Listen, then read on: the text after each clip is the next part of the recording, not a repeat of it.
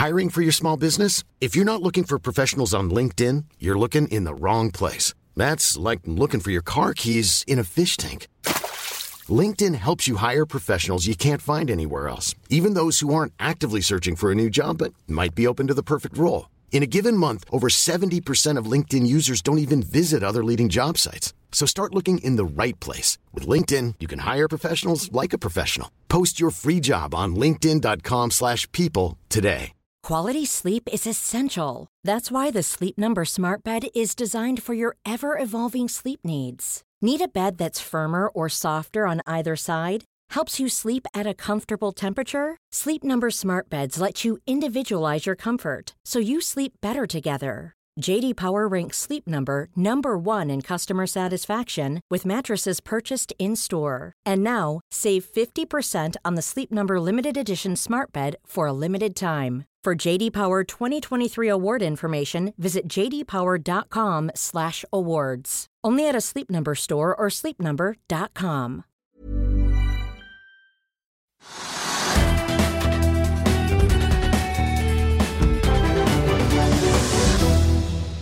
Hei og velkommen til Økonominyhetene, der vi skal få en teknisk analyse av Movi, men først en nyhetsoppdatering. Hovedindeksen på Oslo Børs går ned ved ukeslutt med rundt 0,7% Samtidig faller oljeprisen. Prisen på ett fat brentolje er ned omtrent det samme som børsen og handles nå for 72,6 dollar. Dagens mest omsatte aksje er Equinor, som faller 3,6 og Kjell Inge Røkkes Aker Carbon Capture tok i dag steget inn på hovedlisten på børsen fra Euronext Growth, og foreløpig er selskapet ned nær 2% Hittil i år har imidlertid aksjen steget nesten 7 På toppen av taperlisten ligger Petrolia, Aker Clean Hydrogen og Aqua Biotechnology. Også Norcod, Aker BP og MPC Containerships faller markant. Nail, Rex Silicon og Tomra er blant de få selskapene på mest omsatt-listen som stiger. Og under en pressekonferanse som fremdeles er i gang, informerte statsminister Erna Solberg om at trinn 3 i gjenåpningsplanen av Norge iverksettes allerede på søndag. Blant endringene er at man kan ha opptil 20 personer hjemme, i tillegg til vaksinerte gjester. Det skjenkestopp ved midnatt den oppheves, dog ikke i Oslo, og det åpnes for mer tilstedeværelse på arbeidsplassen. Så jeg tenkte vi kunne begynne litt med det, Trygve. Er vi ferdig med koronapandemien? Det er vi vel ikke. Nei. Altså, vi er I hovedsak så går det så bra i Norge da, at tallene går nedover. Og Det er liksom 40, 43 stykker som er lagt inn på sykehus. Det er ingenting. Uh, og når smittetilfellene går ned, så virker det mye bedre. Men vi har da enkelte utslag enkelte steder hvor det plutselig er liksom 50 stykker som da har blitt smittet, og så 1000 uh, er parkert i karantene. Etter korkonsert? Ja, etter korkonsert. Det, så, så, så, så, det vil da inntreffe sånne små noen snåle ting. da, man ikke helt hvorfor. Altså, men så må man spore opp de, og så må man da sette i karantene, og så går det bra igjen. Men vi er ikke ferdig med det, for eh, vi frykter at noe skal skje. Men i hovedsak, og det er jo ikke mer enn altså Det er to millioner nordmenn som har fått av minst én dose. da, Det er mye, og det har gått veldig bra. Men det er fremdeles mange som ikke er vaksinert. altså det er ungdommen som ikke er vaksinert. Og, så er, vi er ikke ferdig med den. Altså Det var en direktør i Helseinstituttet som sa at vi var ferdig med den, og han ble nesten sagt opp. Han ble professor isteden. Men eh, det er jo lovende for norsk økonomi at ting kommer i gang igjen. ja, det er veldig, veldig bra. Man regner med ganske kraftig vekst i år, kanskje og nesten lavere vekst neste år. Fordi man nå igjen oppbyggingen eller innhentingen da, skal bruke så mye folk og gjøre så mye rart. Alle butikkene i landet har vært stengt. De er nå oppe. Alle restaurantene som har vært stengt, er oppe. Hotellene som har vært nede, er oppe. De har kanskje vært oppe hele tiden, med hatt lavt belegg. Nå får de kanskje høyere belegg. Flyselskapene skal kanskje fly igjen. Folk skal kjøre litt mer i bil, kanskje. Så alt er litt bedre. Vi får en bra vekst. Uh, selv om ledigheten er støy fortsatt. Så, men jeg, at, at, vi er ferdig med det, det tror jeg ikke noe på i det hele tatt. Men, og, og, nordmenn har ikke begynt å reise utlandet ennå. Så, så, da skal de bruke pengene i andre land. Og hvis de begynner å kjøpe elbiler, så kjøper de biler fra utlandet. Så det er masse ting vi kan bruke penger på uten at det går til norsk økonomi. Særlig da på en måte eksporten, da ved at vi reiser, altså, reiser på ferie i utlandet. Det er liksom eksport av norske penger. Eh, og det er ikke begynt. Så hvis vi får en oppblomstring av det, så vil folk bruke masse penger ute. Og så vil de bruke masse penger i butikkene nye sko, nye klær eh, ja, Masse rare ting vil de bruke penger på. For det sies jo at vi da har da spart 200 milliarder kroner sånn nå, de siste to årene. Men det vil jo da kanskje også si at vi får flere mennesker inn i landet da, som kan bruke penger her? Ja, Det er det mange som håper på. Vi ser ikke det ennå. Og det, det, får vi ikke til før altså, Særlig da altså, Tyskland og Danmark og Sverige og disse landene, altså, alle de som er medlem av EU og EØS. Hvis de får fri reise til Norge, så blir det mange. Men hvis de som reiser til Norge må ha karantene når de kommer til Norge, så blir det ikke noe av ennå. Men det er, det er, visse tegn til at innen EU så vil de ha dette klart. De vil det skal komme et pass. et vaksinepass gjør at alle som er innen EU, EØS, de skal kunne reise ut i alle disse landene hele tiden. Da vil det strømme på. Vi er ikke der ennå. Men det virker jo ikke som det smitter opp på børsen, denne entusiasmen over at det er gjenåpning? Nei, men du kan si at Oslo Børs det er ikke så mange dagene siden det var all time high. Det er ganske høy priset fortsatt. Uh, og De utslagene vi fikk i dag, som du sier, er 0,6 eller 0,7% ned. Det, så det lille man kunne trekke ut av dagens situasjon, er kanskje at energiaksjer er på en måte litt i, ikke så veldig populære akkurat i dag. Og det, energiaksjer så tenker jeg da på, både på oljeaksjene, riggaksjene og oljeserviceselskapene. De det var litt ned.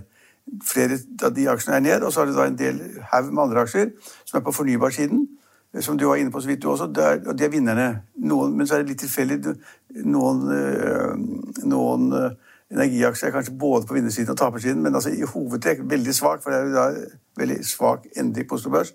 Så ser det ut som da energi er litt, litt upopulært. altså at Fornybar energi er litt mer populært. Og det, og det beste eksempelet, men som er ganske komplisert, men ganske viktig, det er jo da Equinor, som er ned 3,2 i dag. og den Kursen er på rundt 175 kroner. Og den, Equinor hadde såkalt kapitalmarkedsdag i begynnelsen av uken. Da pleier det å komme nyheter som er positive, hvorfor kursen skal gå opp, og nye prognoser om inntjening. og liksom, Alt er positivt på kapitalmarkedsdagen. Det er ingen som har det for å fortelle bad news.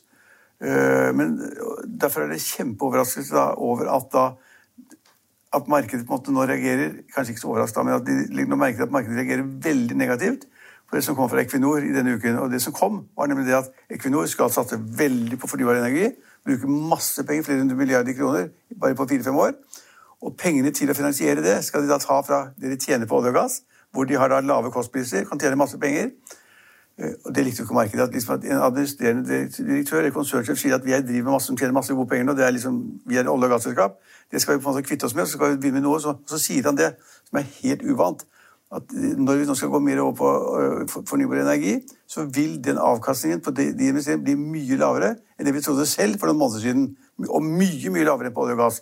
Og da har markedet tenkt at det der det, det gidder vi ikke. Og så selger de, og da har markedsverdien av Equinor i løpet av denne uken falt med 47 milliarder kroner.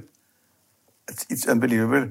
Så da stemmer aksjonærene med bena. De løper fra selskapet og tenker at dette her Vi kan ikke sitte som aksjonærer i et selskap hvor de sier at de kommer til å tjene mye mindre fordi de skal bli så veldig flinke. Men det er jo litt sånn delt, da, fordi nå er det jo sånn at eh, Equinor straffes fordi de da skal gå bort fra innbringende olje- og gassvirksomhet til da mer fornybar energi. Men samtidig så er det da de fornybare selskapene, altså, og da dumper man den aksjen. Og så samtidig de fornybare selskapene på Oslo Børs, de kjøper jo folk. Jo, men da vil folk liksom, da kan de kjøpe da rent, da. Da kan de kjøpe et fornybar, altså solselskap eller hydrogenselskap eller hva som helst, men ikke sånn blandingsselskap som da man ikke helt vet hva kommer ut av. Og Selskapet sier jo da, selv om de har, sier at vi har regnet på det, vi, så avkastningen går ned. Altså, Marginene blir dårligere på fornybar enn på olje og gass.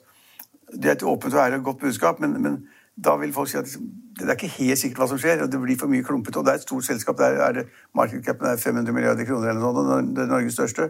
Så Markedet er usikkert, og det liker de ikke. og derfor De straffer nå da den måten de snakker på.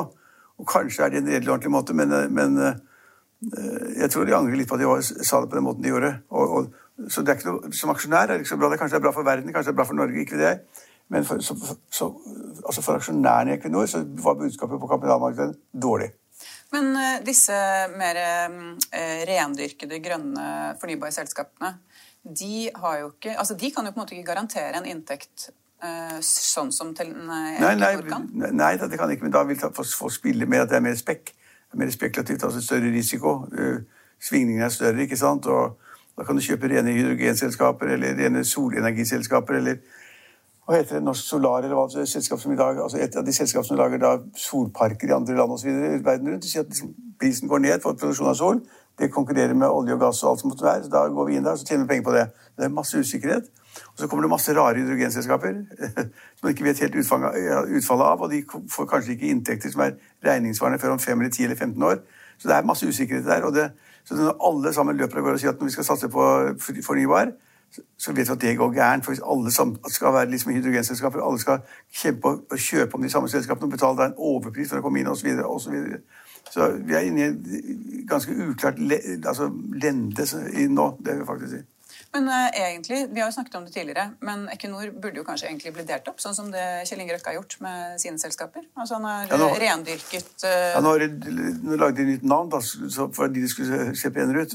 Ja, man, ja. ja altså det, kan, det, er noen som foreslår det, at man skal dele, dele det opp til at liksom ene er fornybar, og det andre er olje og gass. Og så pumper man opp så mye olje og gass man kan i 20-40 år. Og så tjener masse penger på det. Altså for andre mennesker, altså, Hvis du vil satse på fornybar, så får du kjøpe den delen. Det er, det er ikke en umulig løsning. med det jeg har litt sansen for det at liksom, nå har selskapet eksistert i 100 år omtrent, og de har bygget opp en kjempereserver, og de vet hva de har. Og de tar noe av velstanden og bruker det på fornybare. Det har jeg litt sansen for. Ja. Men aksjonærene løper fra det. Det skulle jo på en måte være logisk.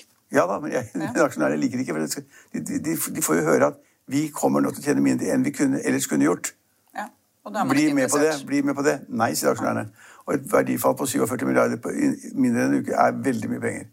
Men øh, det virker jo som børsen generelt har gått litt nedover i det siste, da.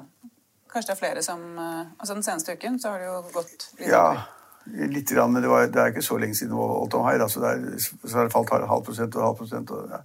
Nei, altså jeg, jeg syns det er det er ikke veldig mye negativt på Oslo Børs ennå, men, men, Det er veldig mye negativt i dag, da, på den listen over det mest utsatte? Ja, men altså, I Norge, på, i selskap spesifikt, så har vi ikke så veldig mye. Men det er det at det er blitt usikkerhet i USA, hvor man liksom da og Fed hadde sagt at vi skal ha lav rente lenge, lenge, lenge, lenge, for økonomien er svak. Vi skal ha mange millioner inn i arbeidsmarkedet. Vi har gitt alle husholdninger masse penger.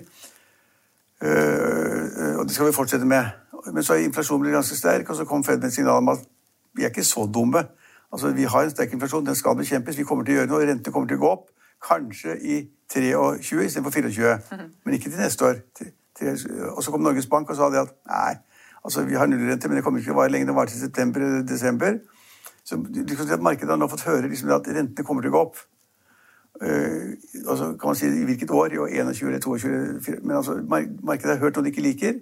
Og så har da prisingen vært ganske høy. og så tenker de nei, altså, dette kommer til å ramme aksjemarkedet. Så er man litt forsiktig, så går man kanskje ut og tar noen gevinster. Kanskje. Det, det, så det er, eh, det er, det er usikkerheten. Men det vil jo kanskje si at veldig mange av de som altså Dette er jo å forskuttere litt, da. Men veldig mange av alle som har da gått inn i aksjemarkedet fordi de ikke får noe avkastning på banken, de vil jo kanskje gå ut og sette det på en konto igjen, da? Ja, noen vil kanskje, kanskje gjøre det. at Hvis det er eh, hvis, eh, hvis det blir et kraftig altså renteøkning, så faller jo obligasjonene.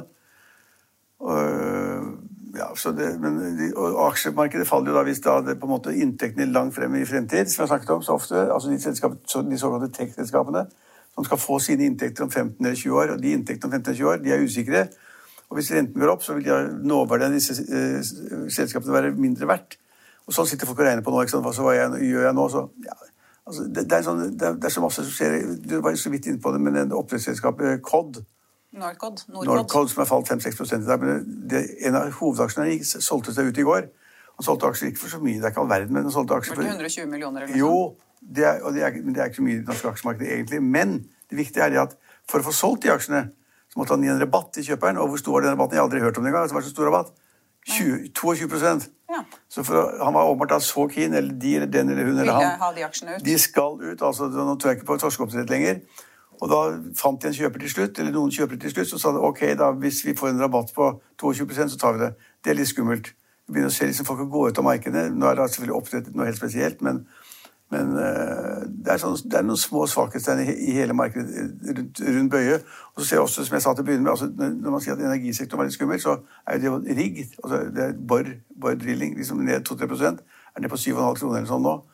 Eh, og det er problemer i mange av disse oljeserviceselskapene. Så problemene kommer frem. Men hvis, men hvis, du får enda høyere oljepris, så kan det, dette bli kjempebra for Norge, AS Norge. Og det kan bli også bra for hele den der energisektoren, kanskje. Men uh, akkurat nå, du var også inne på at oljeprisen har da falt en dollar til en halvannen dollar. Den har vært oppe i 74 dollar på fat. Og nå ligger den på 72,5 dollar på fat. Men det er, ikke, det er jo ikke store fallet, det. Men skulle da dollaren stige mye og oljeprisen falle, så er det litt skummelt. På den annen side hvis, hvis, hvis, dollaren stiger og kronen svekker seg mot dollar, så vil da oljefondet vårt bli mye mer verdt, for den måles i kroner. Så i går så, så jeg på det, da var liksom da verdien av oljefondet 11 450 milliarder kroner. eller sånn Det er skrekkelig mye penger. Og hvis kronekursen faller, så blir det enda mer verdt. Så liksom, det ja, for dollaren var oppe i 8,6 eller noe sånt i går. Og ja, og, og, euroen var 10-25 eller sånn nå. Så kronen svekker seg nå. Mm. Ja, fordi den har jo ligget rundt 8,3 mot ja, dollar. Det svekker seg, det, det svekker seg fordi at dollaren styrker seg, og, fordi at, og det får, får litt konsekvenser da for hele vår oljeindustri. Men, men, dette med de lange rentene, altså at man ser at de stiger, det burde jo også være negativt for SG-aksjene, som ikke har noe inntjening nå? Ja, altså En, text, en økning i rentene er negativt for, for de fleste selskaper. Ja. For, for, mange selskaper er det kostnader.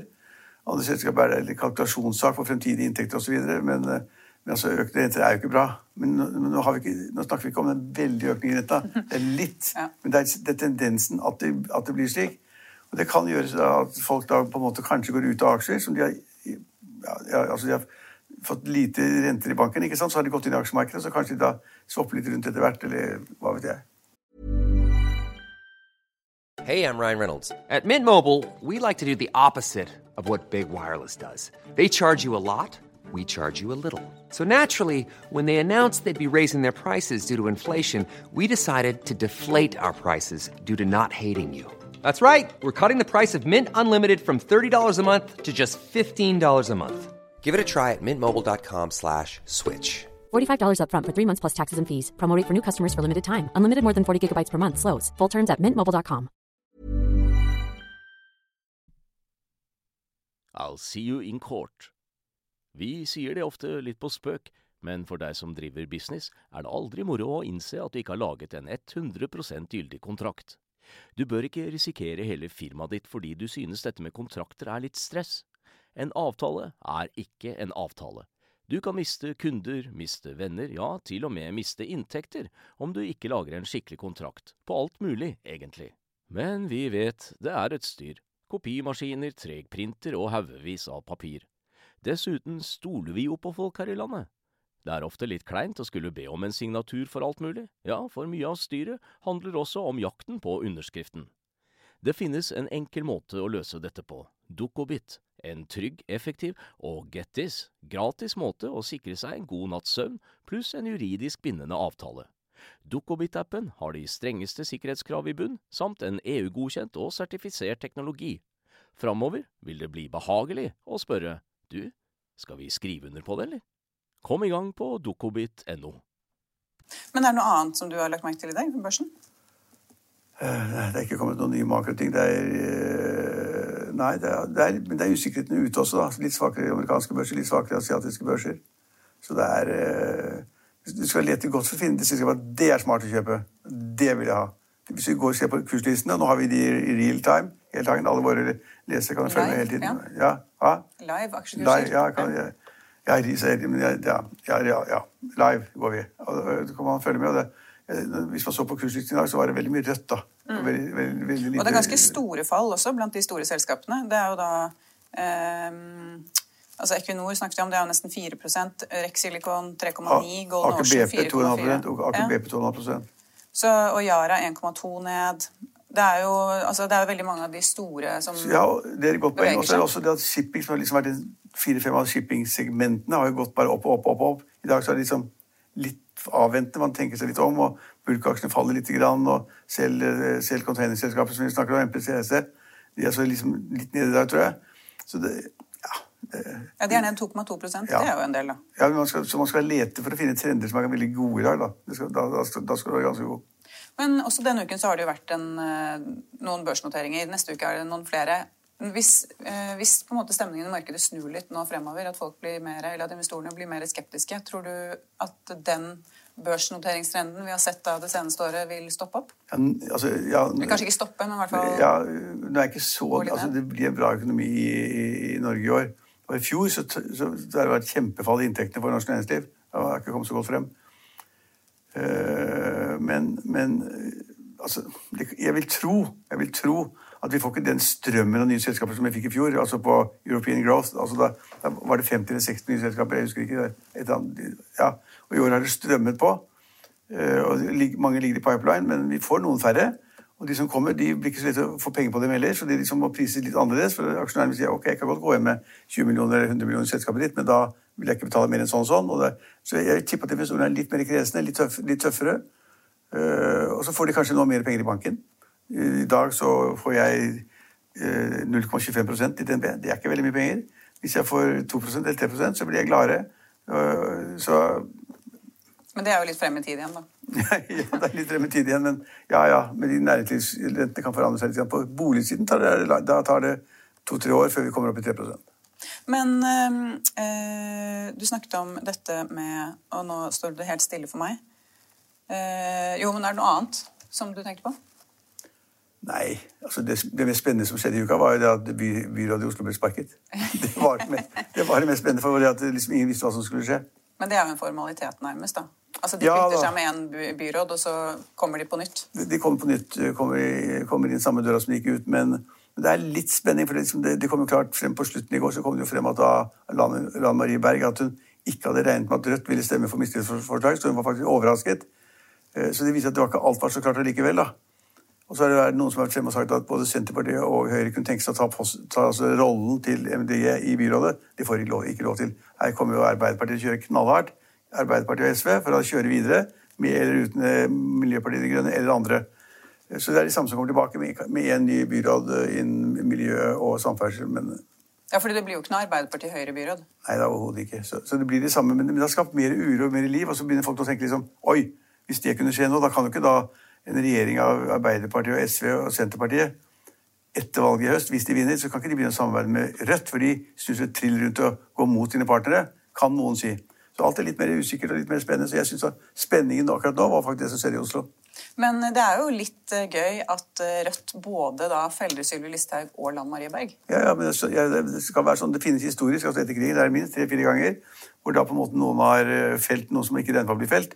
Det var jo Gerhardsen som ble felt av, eh, av, eh, av, i forbindelse med den gruvekatastrofen. Og så var det en gang Høyre Willoch gikk av fordi at Fremskrittspartiet skulle ha fem øre mer i avgift eller sånn.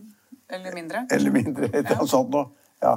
Så det er jo, Partnerne har falt inn i ryggen noen ganger som man ikke skulle tro var mulig. På helt latterlige små saker. Så Noen vil si nå det at, at Arbeiderpartiet og SV og Senterpartiet skal inngå en allianse og stole på Rødt i Stortinget hvis det skulle bli et flertall for de rød-grønne. Det vil si at det, er, det, burde man ikke gjøre nå. Så det gir noen spor, da. Noen få spor det gjør. Men eh, det er jo litt sånn at det er jo uansett valgresultatet i Oslo som styrer, da. Så man får jo ikke Altså, det, jo, det blir jo ikke et skifte uansett. Samme, samme stemmeandelen på de forskjellige gruppene, ja. ja. Men det er klart at hvis Rødt stemmer for de borgerlige, ja, det, da, har, da, har, man fått et skifte. Det er vel ganske spesielt hvis det skal skje. ja, ja, ja, jeg tror ikke det skjer en stund. Men det var overraskende nå. og det, det Mitt poeng var at Lan Marie Berg åpenbart ikke skjønte at de kom til å gjøre det. Så da har det vært altså, da stor usikkerhet inn i rådhuset. Det syns jeg var ganske morsomt. Men det jeg synes er fascinerende, er at det er så mange mennesker som har meninger om hvordan det er i Oslo, som ikke bor her. Altså om da, hvordan Miljøpartiet De Grønne styrer. Ja, ja, altså, det er jo ja, kommentarfelt opp og kommentarfelt ned altså, om det. Når, når du har da Miljøpartiet, skal ikke vi ta det hele partiet, når du har Miljøpartiet De Grønne og eh, Lan Marie Berg, som da på en måte er eksponenten for antibil, antiparkering, sykling osv.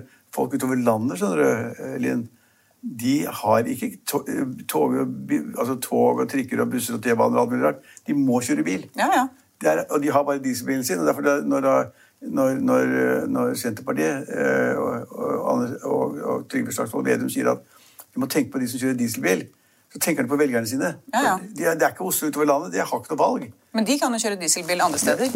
de, kan, de, må, de, må, kjøre dieselbil hjemme. jo, jo, men jeg mener det er veldig rart bare at folk er så utrolig negative til uh, en omstilling som skjer i Oslo, når de da type bor i jeg vet ikke hvor, Tromsø.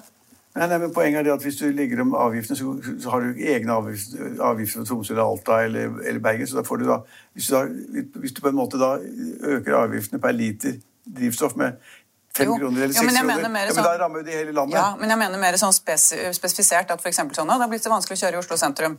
Og så får du sånn på kommentarfelt så får du en eller annen fyr fra Harstad som mener at aldri, Oslo sentrum er noe dritt. Det har jeg ikke sett. Nei, Du er ikke på Facebook, vet du. Nei, men, men, jeg, men jeg, vet at hver gang det er statsbudsjett og budsjettdrøftelser, så er det poenget liksom, på hvor mye skal dieselprisen stige med. Og så sier folk at må, nå må folk synes det er greit at man gjør det. Den avgiften gjør at man får mindre bruk av diesel. Det er bra, det er mindre CO2-utslipp. Men de som må ha det, er det Senterpartiet og Lars Arvold Vedum sier, de må jo kjøpe det. Så vi er ikke, vi er ikke for den politikken de fører i Oslo. Nei, nei.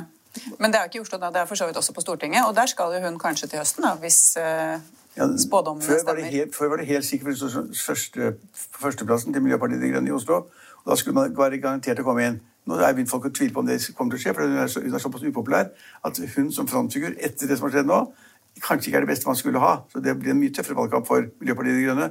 Og de hadde håpet på å få en fem, seks, syv, åtte representanter. Ja, kanskje de bare får inn i Oslo. Men hun er kanskje populær blant sine egne, da?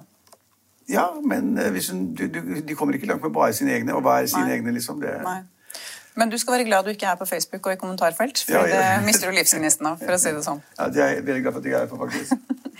Men eh, jo, det jeg tenkte på i stad, var at eh, norske selskaper eh, de hadde jo et vanskelig år i fjor, men likevel har det jo gått bra med mange av dem.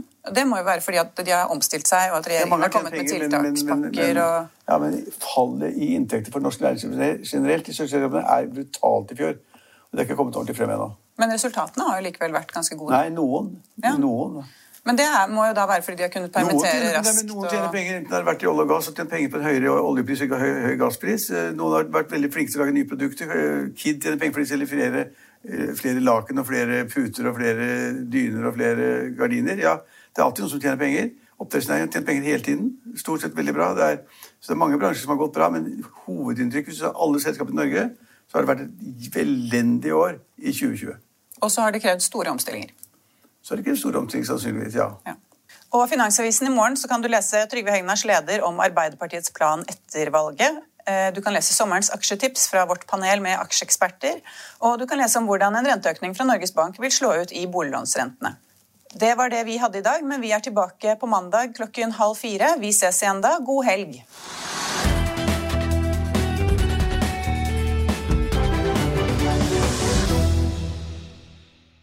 Økonominyhetene er en podkast fra Finansavisen. Programledere er Marius Lorentzen, Stein Ove Haugen og Benedikte Storm Bamvik. Produsenter er Lars Brenden Skram og Bashar Johar. Og ansvarlig redaktør er Trygve Hegnar.